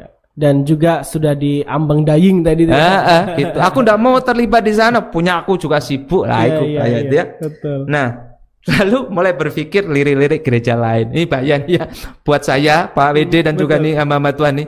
Kalau mulai lirik-lirik gereja lain, bisa jadi engkau ada dalam situasi gerejamu itu kalau tidak declining lagi Dying. dying. Betul. Karena merasa ini nggak ada harapan buat gereja Mhm, ini. mhm. Bukan tidak ada harapan. Kita tidak membuka jendela untuk melihat harapan. Iya. Betul Gitu. sekali gitu ya. Ini bahaya Oke. nih. Jangan, jangan pernah berpikir kalau nanti pindah gereja, gereja itu lebih baik. Lebih baik atau bisa juga tambah lebih parah. Tambah lebih parah gitu ya. Tapi juga jangan merasa wis aku nengkene hidup mati, akhirnya tidak ada perubahan. Iya, iya. Nah, itu juga gitu Betul. ya. Mhm. Oke. Oke. Nah, saya lanjut ini ya. Ya. Ini tinggal sedikit kok. Lalu bagaimana kehadiran ibadah jemaat gitu ya? Ya. Nah, ini yang terjadi sering kali gitu ya. Ketika itu menurun, gaya ibadah itu itu tidak menyentuh anak-anak muda. ngikuti selera generasi satu, generasi dua. Mhm. Ya wis pokoknya ngene wis kan biyen nyaman kok gitu ya. Mm. Atau begini, ada kemudian ini ngerasa ini ini bahaya nih, lalu ngambil solusi. Solusinya adalah ibadah alternatif. Mhm. Ternyata ibadah alternatif itu tidak terlalu kuat mengangkat situasi menurun ini. Oke. Karena itu malah membuat segmentasi, artinya membuat pengelompokan. Skat baru gitu ya. Sekat baru dan seleranya akhirnya tidak belajar saling mencicipi selera. Mhm. Mhm. Ketika itu terjadi dan semakin meruncing akhirnya akan satu menonjolkan dan mengutamakan satu model ibadah, Iya, yang satu ke satu model ibadah. Iya, iya. Gerejanya satu gedung, Mhm. tetapi ada dua kelompok gereja di dalamnya. Oke, oke, oke. Generasi tua, generasi muda. Mhm, mhm. Nah, ternyata ini makanya eh, alternatif ibadah kedua yang berbeda ternyata itu bukan solusi yang bisa membuat ini semuanya naik. Mhm. Bisa jadi yang mudanya naik, yang tuanya tetap. Tetap gitu ya. Nah, Karena- persoalannya yang ngambil kebijakan yang tua. betul. Gereja tidak akan berubah-berubah di situ. Mhm, mhm. Maka konsep yang baik sebenarnya adalah di blend Iya, iya. gitu. Karena sama-sama ngangkat akhirnya ya. intergenerational worship. Betul. Nah, itu sebenarnya solusi terbaik daripada alternatif style worship. Iya, iya. Nah, nah kalau ndak dayeng nanti gitu. Mhm. Jadi gereja mulai preferensinya ke ibadah tertentu dan ini satu kosong, satu penuh gitu ya. Mhm, mhm. Nah, akhirnya secara persentase 65% itu ndak ibadah. Iya, iya. Nah, ngapain? Gak cocok selera Betul. gitu ya. Newcomer datang lalu ber ini gereja kok beda sih? Mhm, mhm. dan minggu-minggu berikutnya tidak datang lagi karena ngerasa ini gereja satu ah, kalau yang tua datang pas datang ibadah di anak muda gak cocok Mhm. anak muda datang pas ibadah orang tua Gak cocok. gak cocok Iya, tapi kalau kemudian ini di blend Mhm. untuk bisa sama-sama nanti sama-sama belajar kok Mhm, mhm. itu ternyata ini ya lagu keroncong enak juga ya Mhm. ketika anak muda mulai terdengar Iya. Dulu siapa suka lagunya Didi Kempot? Ya, sekarang anak kecil pun nyanyiin. Nyanyinya Didi Kempot Betul, gitu ya. Betul, betul. Suka teki, siapa yang tahu dulu? Iya, iya. Kenapa itu? Ketika kemudian diangkatlah lagu-lagu yang kelihatan jadul ini dalam blended alat, blended pengemasan Iya, performance. dikemas ulang. Iya, gitu yang ya. main anak-anak muda, terus eh, apa aransemennya kemudian dibuat lebih segar, Mhm. lalu digabungkan dengan lagu-lagu yang baru-baru. Nah, ketika digabungkan itu, akhirnya sama-sama nyicipi. Iya, iya, iya. Hmm. Wow, Itu gitu ya. Itu yang terjadi. Hmm. Lalu akhirnya kita begini nih. Ini saya tampilkan di empat ini semuanya. Iya. Kalau berbicara gereja itu lagi bersemangat Hmm. untuk bertumbuh, itu sedang mencari identitas. Ya. Who are we? Ya, siapa diri kita? Identitas. Iya. Kalau identitas sudah ditemukan gitu, pertanyaan adalah kita invest di mana lagi? Ya. Gitu ya. Atau kemudian kita ada di yang stagnan itu ya, melanda itu. Ini kok kita gini-gini toh ya? Harus apain kita? Mhm, Gitu. mhm. Nah, ketika declining, pertanyaan penting adalah yang sering kali muncul di hati itu, ini caranya ya apa ya supaya tidak merosot terus? Ya, betul. Kalau itu pertanyaan itu ada di hati Bapak Ibu Saudara Mhm. BCBS, sobat BCBS, ya apa caranya gereja tidak kayak gini terus? Itu Ya. proses saudara menyadari declining, lagi turun. Mhm. Itu. Apalagi kalau pertanyaannya itu ya, wah gereja kayak gini, siapa cara memutar baliknya ya? Diputar balik begitu ya. Gimana ya caranya ya? Nah, Mhm. ditutup atau dilanjut? Itu. Ya. Maka ada satu ahli pertumbuhan gereja begini. Lebih mudah membangkitkan orang mati Daripada daripada Membangkitkan- membangkitkan, gereja yang akan mati. gitu. mem- membangkitkan mayat hidup. Makanya di beberapa Iya, pertumbuhan gereja itu berpikir lebih baik membuka gereja baru daripada merevitalisasi gereja, tua. Betul sekali. Renovasi lebih sulit daripada bangun Membangun. dari nol. Betul sekali. Nah itu. Tapi ah, cilakanya di Indonesia banyak gereja butuh renovasi, revitalisasi. revitalisasi dan itu dibutuhkan Pak Benhan untuk bisa mengangkat kembali eh, gereja-gereja. Nah, gitu ya. betul. Nah, gitu. Oke, nah ini kalau kita berbicara dalam kondisi normal, Ini normal ya. Betul. Normal aja tantangannya kayak tantangannya gini. begini gitu, ya. Gitu. Dan dan ternyata itu sudah ngerambah sampai mungkin di di tataran kita. Yes. Ya. Nah, kalau di dalam kondisi konteks kita di Pan- di abnormal atau abnormal, kayak contohnya pandemi ya. seperti ini, ini ini bagaimana nih Pak Benhan? Nah, kondisi abnormal itu mempercepat. Oh asik yo, ada akselerasi. Eh tunggu dulu, apa yang dipercepat? Bisa mempercepat pertumbuhan Mhm. ketika sudah dikoreksi lalu melakukan inovasi Mhm, sesuai visi Ya, yang diperkuat. Atau selanjutnya dipercepat matinya, sekaratnya. Iya iya dyingnya ya. Iya. Jadi Oke. faktor eksternal yang abnormal bisa mempercepat dua hal ini, tergantung bagaimana kita meresponi Ya. dan bagaimana status gereja kita. Sehingga penting sekali kita memilih poin gitu ya. Ya, Nah, betul. ketika kita sudah mulai turun nih, Ya, cepet-cepet berespon, coba caranya dinaikkan. betul. Kalau nggak cepet-cepet, ini tambah turun nih, tambah turun, tambah turun. Dan masa abnormal pandemi COVID-19 ini, Mhm. ini ada gereja langsung meluncur ke bawah ini, roller coaster. Betul, betul. Gereja yang dulu dihadiri seribu, online-nya cuma 300, anjlok, iya, betul. 400, 500, cuma segitu. Itu Mhm. drop gitu. Nah, itu itu bahaya. Keuangan juga langsung drop gitu. Ini ya apa caranya? Gitu. Betul, Harus diantisipasi mana-mana hal gitu ya. Iya, iya. Nah, ini yang baik begini. Suatu saat gereja yang sehat juga akan turun, naik nol lagi, Iya. turun, naik nol lagi. Hmm. Nah, jadi pertama begini, kalau kita lagi menurunnya, Mhm. coba kita fokuskan kembali ke- kepada misi, Misi gereja. Fokus Misi mungkin kita gereja. Mhm. salah. Ya. Semua sumber daya tidak mengarah ke sana. Ya. Kita fokus.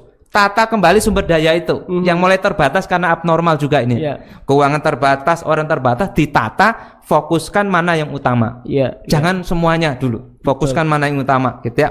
Lalu kemudian tutup pelayanan yang tidak berdampak harus berani Mhm. supaya sumber daya terfokus dan tidak kehabisan energi. Ya, karena kita membangun pagar besar dulu Ya. untuk bisa melakukan lagi yang kecil-kecil gitu Hmm. Jadi ya. penting berani tutup. Ya. Kalau doa pagi misalkan cuma empat orang, lima orang, jemaatnya ratusan, 200, 300 bisa. Cari alternatif berdoa, tetapi bisa melibatkan banyak. Ya. Contoh waktu kita Jumat Agung yang lalu, kita ada rangkaian doa setengah 8, seteng- Iya. setengah 10 ya, Mhm. dan 12 dan ini. Dan itu menjadi peserta doa kita yang cukup banyak. Betul. Ketika kita doa masing-masing atau doa pagi nggak sebanyak itu. Gak sebanyak itu. Itu betul, ya. betul. Nah, itu itu yang terjadi. Coba deh. Tapi ini situasi abnormal, kita lakukan upaya supaya up, Mengangkat gitu mengangkat ya. di situ. Betul. Abnormal boleh tapi up level, Up level. ya. Lalu kalau itu menurun gini, gitu ya. A- Peka sama konflik segera diatasi, jangan dibiarkan. Abnormal membuat konflik makin bisa membara apinya. Mhm. Mhm. Karena situasi abnormal masing-masing sedang digoda ini. betul Tuh ya. sekali. Nah, itu itu juga menjadi refleksi buat saya gitu ya. Ya. Jemaat harus di, jujur mengakui kondisi sekarang. Ya. Kejujuran membawa kita untuk berubah. Kalau ah nggak pop kita nggak kayak gitu kok. Ini ada gereja loh. Ya, ya. Survei sudah dilakukan, analisis sudah dilakukan, tetapi yang terjadi adalah nggak kayak gitu kok. Wah ini bahaya. Kita menipu diri kita gitu ya. Lalu passionnya dinaikkan, Ya, ya. sense of belonging Mhm. rasa cinta sama gereja. Nah, hari ini rasa cinta sama gereja diuji, Ya, betul. diuji. Karena apa? Nggak bisa datang ke gereja. Ya, ya. Nah, ya apa caranya itu? Mengembalikan lagi. Kembali lagi itu kami mendatang kita akan Betul. upayakan mengembalikan sense of belonging, Mhm. kecintaan itu. Hmm. Lalu kemudian kalau ini dying, Hmm. gitu apa yang terjadi? Dying berarti kehilangan visi. Ya. Kehilangan visi, tidak tahu lagi visinya itu. Mhm. segera susun visi yang baru. Jangan mulai dari struktur, dari visi. Ya. Jangan mulai dari orang, dari visi dulu. Ya, ya. Jangan mulai dari budgeting, dari visi dulu. Karena ini sekarat. Ya. Gitu. Kalau ndak punya arah tujuan hidup, apa pun sumber keuangan, apa pun banyak orang, Mhm. ya dia ndak punya semangat hidup kok. Ya. Ya mati gitu. Lalu kemudian bentuk kembali perilaku yang benar, orang-orangnya dimulai dari pemimpin. Mhm. sesuai visi itu sesuai nilai-nilai. Ya. Lalu ganti prioritas. Betul. Ganti prioritas karena keuangan juga dying. Mhm. Jadi keuangan ini harus fokus nih. Mhm. Masa pandemi ini kan seperti Turun. keuangan dying. Ya, ya. Maka prioritas apa? ya, ya. Yang lain Sik, tahan dulu gitu. eh, bahkan kalau perlu gitu ya. Iya. Ini nggak perlu, berani tutup Ya. di situ. Nah, lalu kemudian sistem berubah, Iya. struktur berubah. Mhm. Nah, ini berarti baru yang kesekian struktur Ya, berubah. Struktur. Gitu. Mhm. Lalu kemudian ada pendekatan baru, pendekatan baru. Ya. Jangan lagi pakai pendekatan lama. Hasilnya pasti sama. Sama saja. gitu ya. Betul. Hmm. Nah, itu. Jadi kalau dari ini ya, eh Sayers ini ya, Iya. dia kasih dua hal. Pertama gini, pakai kekuatan Injil di situ. Kita harus pakai kekuatan Injil. Betul. Karena itu menjadi kekuatan kita ya. Iya, Injil di sini artinya visi, Iya. esensi adanya gereja. Iya, iya, Tuh. betul. Lalu kemudian yang kedua adalah jangan lihat jumlah, tapi kalau bahasa dia adalah jadilah minoritas yang kreatif. Oke. Karena minoritas yang kreatif mendatangkan atensi dari orang lain. Betul. Betul. Masa pandemi jangan berkecil hati gereja kecil. Iya. Tapi kalau gereja kecil yang kreatif berselancar di tengah perubahan Mhm. a- yang abnormal ini, engkau akan jadi lirian-lirian banyak orang. banyak orang Gitu. gitu ya jadi kita eh, harus eh, harus berani gitu ya Pak Hmm. Benhan intinya kita harus berani dengan dengan dengan kondisi kita hari ini dalam situasi abnormal karena dalam kondisi yang normal pun ternyata tantangnya sedemikian rupa gitu ya Hari ini tantangan sangat besar, Tambah Pak Wede. besar, sangat benar. besar. Tantangan visi, orang mulai bingung. iya Ini iya. mau dibawa ke mana nih gereja Betul, ini? betul Tantang keterlibatan jemaat sedikit sekali orang yang mau Iya, datang dan mau betul. terlibat gitu. Mhm. Tantangan daripada hamba Tuhannya kehilangan strong leadershipnya ini. iya iya Dari fasilitas ya apa ini? Kebutuhan makin banyak, keuangan merosot. iya iya Nah ini tantangannya. Gitu. Struktur nggak jalan. Mhm. Orang baru mana lagi datang. iya Viewer makin turun. turun Wah itu payah. Wow, jadi wah ternyata kita justru secara, secara khusus buat buat eh, kita leader-leader gitu ya, baik hamba Tuhan ataupun gembala ataupun majelis gitu ya. Ternyata eh, di masa abnormal ini kita tantangannya besar ya kita harus harus tahu itu. Kalau nggak bisa menyingkapi prediksi Tom Rainer terjadi. Betul. Gereja ditutup, hamba Tuhan keluar dari jabatannya, Mhm. lalu Kehilangan jemaat juga. kehilangan jemaat gitu ya.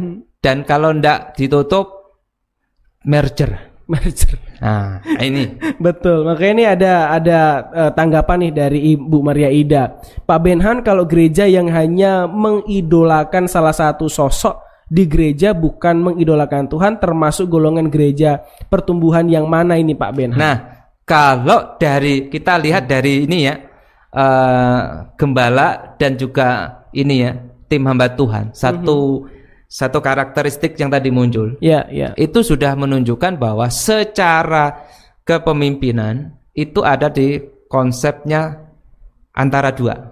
Mhm. Dia naik kalau gembalanya visioner atau dia turun ketika gembalanya itu nyaman-nyaman saja.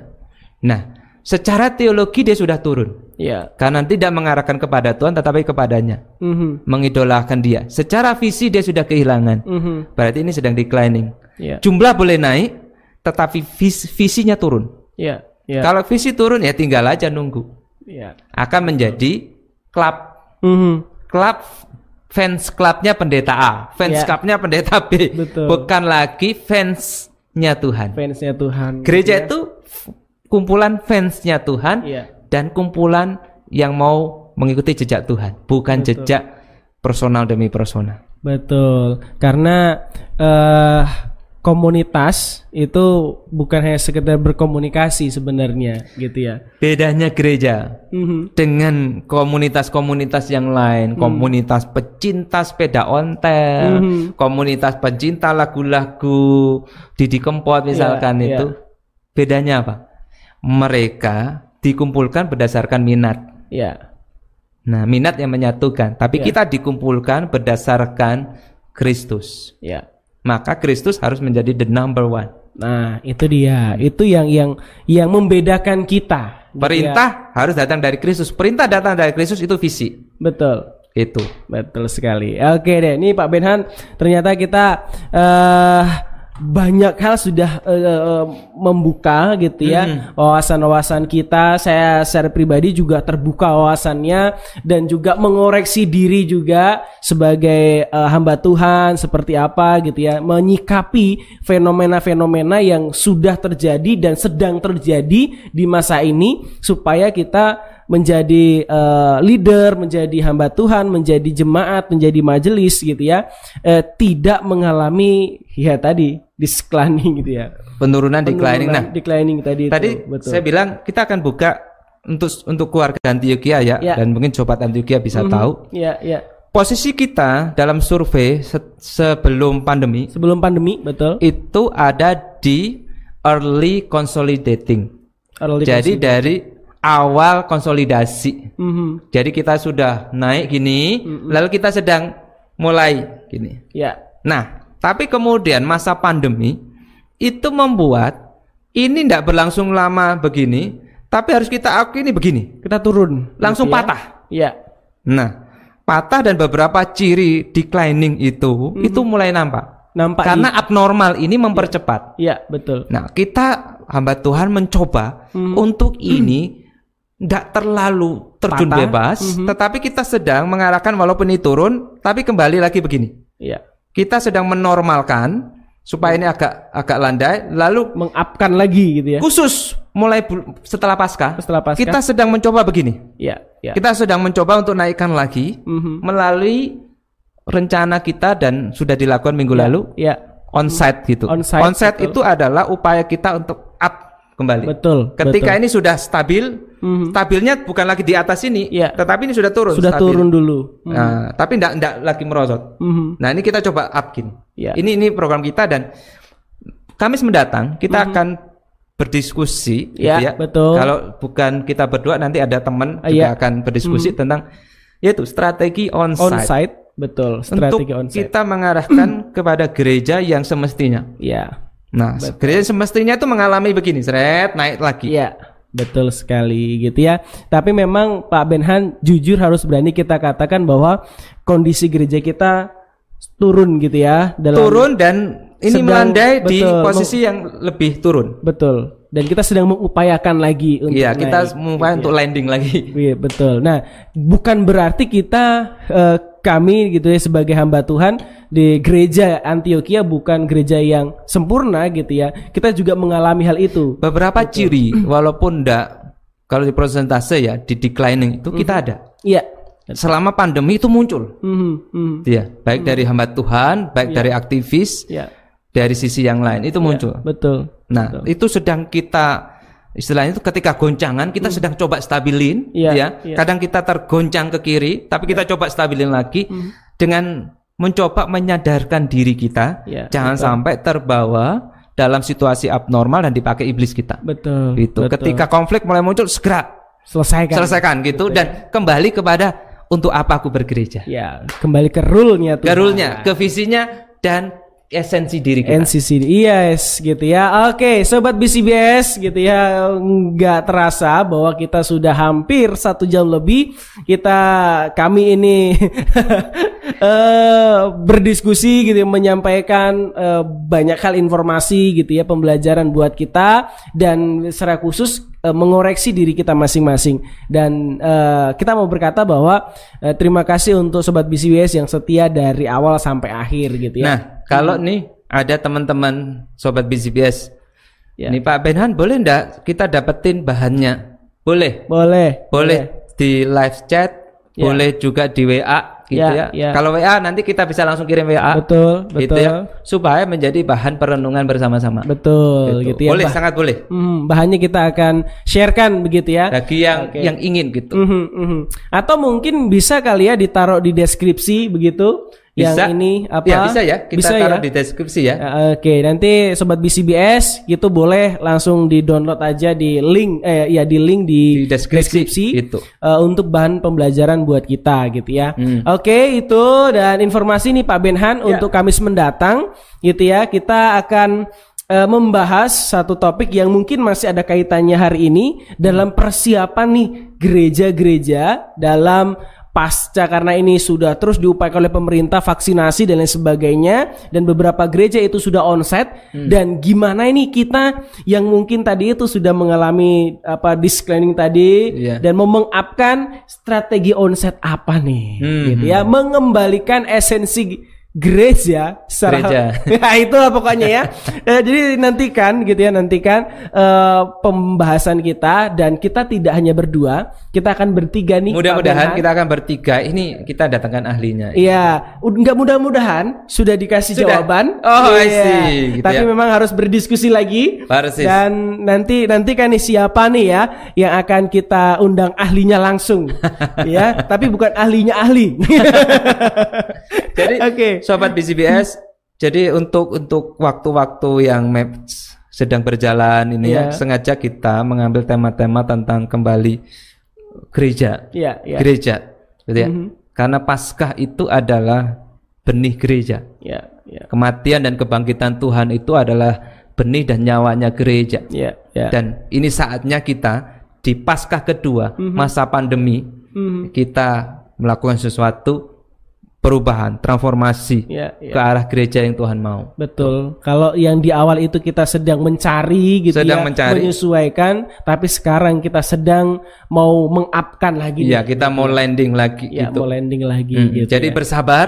Iya. Nanti minggu keempat kita ada Kamis keempat ada tema di luar itu. Di luar itu, ya, gitu apologetika. ya. Lalu Ya. kita akan punya tema lagi Iya. yang juga eh, mungkin gereja sudah agak sudah kita sisihkan dulu Ya, menjadi modal yang kita lakukan di beberapa eh, PCBS yang lalu ini. Betul sekali gitu ya. Oke, Eh, sekali lagi terima kasih sobat BCBS yang sudah mengikuti dengan setia Ibu Maria Bu Maria Ida. Ya. Terima kasih gitu ya. Suami sudah pulang tadi. Mhm, gitu ya. Dan terima kasih untuk semua eh, teman-teman yang sudah ngikutin kita gitu ya. Nah, eh, Pak Benhan juga saya mau sampaikan ke sobat BCBS nih, eh, jangan lupa untuk terus mengikuti atau eh, kita dalam beribadah gitu ya eh, tetap GKT Antioquia menyediakan live streaming gitu ya untuk para orang tua yang nggak bisa datang gitu ya Dan Tapi- bagi mereka yang masih belum mantap untuk datang, Heeh, betul sekali. Tapi kalau yang dirasa sehat, dirasa di situ kita punya range begini. Mhm. Range 7 sampai 60 lebih dikit lah Ya, gitu ya. 65 mungkin 65 ya. ya, dengan syarat bahwa sehat. Sehat. gitu. Dalam sepekan ini sehat atau empat hari sehat. ya, ya. Tidak melakukan per- bepergian keluar kota dalam Ya. pekan ini Mhm, gitu ya.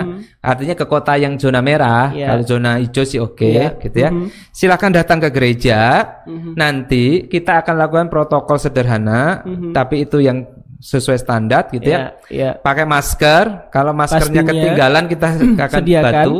Gitu Ya, ya, kita ya. akan kontrol suhu, kita akan kontrol hand sanitizer Betul, sebagainya. Betul. Suasana di ruangan juga kita Nyaman. buat nyaman gitu ya. Kita ada petugas yang eh, yang istilahnya itu melihat kehadiran Bapak Ibu dan mendatanya. Ya. Jadi betul. Bapak Ibu tidak perlu daftar kalau memang nggak ingin mendaftar, datang aja Datang kalau saja. sudah memenuhi syarat tadi. betul. Kita yang data di gereja. Betul sekali Hmm. gitu ya. Data perlu bukan untuk kita. Mhm. Data perlu ketika nanti dalam prosesnya Hmm. ada hal-hal kita diminta informasi oleh satgasnya kota, Betul. kita bisa kita siap jawab. gitu Hmm. ya betul sekali jadi eh ya mari untuk semua keluarga Antioquia ataupun sobat Antioquia yang juga sudah rindu untuk beribadah dan eh merasa bahwa sudah masuk apa namanya di di syarat-syarat yang sudah disampaikan oleh Pak Benhan tadi yuk kita ke gereja kita beribadah secara bersama-sama dengan nyaman Ya, kursi sudah diatur sedemikian rupa. Betul gitu ya.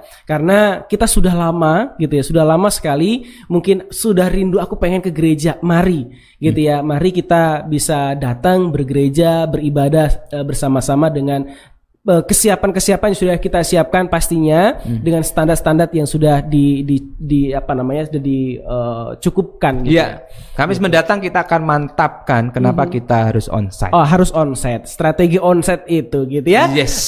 Oke deh, sobat Antioquia, besok hari Minggu, sorry besok hari Minggu, hari Minggu kita ibadah seperti biasa jam 8, Delapan. pagi gitu ya jam 8 pagi jadi siapkan semuanya yang mungkin nggak bisa datang ke gereja secara khusus emak-emak minta maaf gitu ya masih belum bisa datang ke gereja Ada peraturan Menteri Dalam Negeri soalnya. Betul sekali. Tapi hati kami kita semua perhatian masih kepada emak-emak juga. Kita doa untuk emak-emak juga gitu ya. Kiranya Tuhan berkati orang-orang tua kita itu nih Pak Benhan ya. Yes. Oke. eh itu ada informasi Pak Benhan ada informasi khusus Ya, untuk gereja. Cukup itu dulu. Itu dulu ya. Oke, kiranya Tuhan berkati untuk semua sobat Antioquia, keluarga Antioquia dan sobat BCBS di mana pun anda berada gitu ya, yang ngikutin kita dari awal sampai akhir. Oke, terima kasih Pak Benhan untuk materinya, untuk eh, diskusinya gitu ya. Ini sangat memberkati dan menolong kita untuk belajar bersama. Dan eh, malam hari ini Kita mau berdoa, Pak Benhan. Ya. Kita berdoa untuk eh, kita secara khusus gereja. Kiranya Tuhan menolong berkati dalam proses kondisi yang tidak normal ini. Kiranya Tuhan berikan stabil dan juga kita berdoa untuk keluarga-keluarga kita atau saudara seiman kita yang sedang dalam kondisi berduka, kondisi yang eh, apa terkena bencana alam di NTT. Kiranya Tuhan berkati Iya, mereka Termasuk Malang Selatan. Termasuk Malang Selatan kiranya Tuhan berkati. Bolehkah saya minta Pak Benhan Ya. berdoa untuk Kita kita? juga berdoa nanti ya untuk eh, pelayanan di bulan terang. Betul. Ya. Eh, besok ya. Besok Minggu. Mhm. Dan juga satu Pak Benhan untuk Pak Tiongwi kiranya Tuhan. Oh iya, Pak. Tiongi dan Ibu Yuli kita akan Oh, doain. oke. Lagi Baik. dalam kondisi ngedrop ya. Ya, baik. Kita berdoa ya. Tuhan dalam situasi yang tidak normal ini, kami percaya Tuhan hadir memberikan kami petunjuk dan jalan baru supaya kami tidak terlena dalam situasi dan terus mengalami declining, tetapi kami mengalami kemudian stabilitas dan juga mengalami pertumbuhan. Ya. Kami berdoa dalam situasi ini orang tua kami dan setiap orang Tuhan berikan kekuatan perlindungan, vaksinasi yang jalan, Tuhan kiranya Engkau memberikan kelancaran dan juga stok vaksin Tuhan buka jalan untuk pemerintah bisa menyediakannya.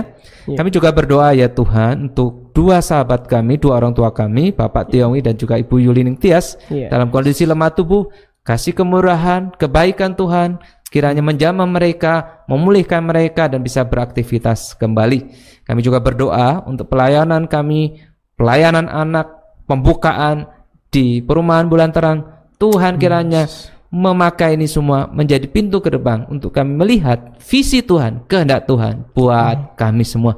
Terima kasih Tuhan. Pertemuan kami yang sehat di ibadah onsite yang masih eh, online Tuhan juga berikan semangat. Terpujilah nama Tuhan dalam nama Yesus. Amin. Amin. Oke, terima kasih sobat BCBS.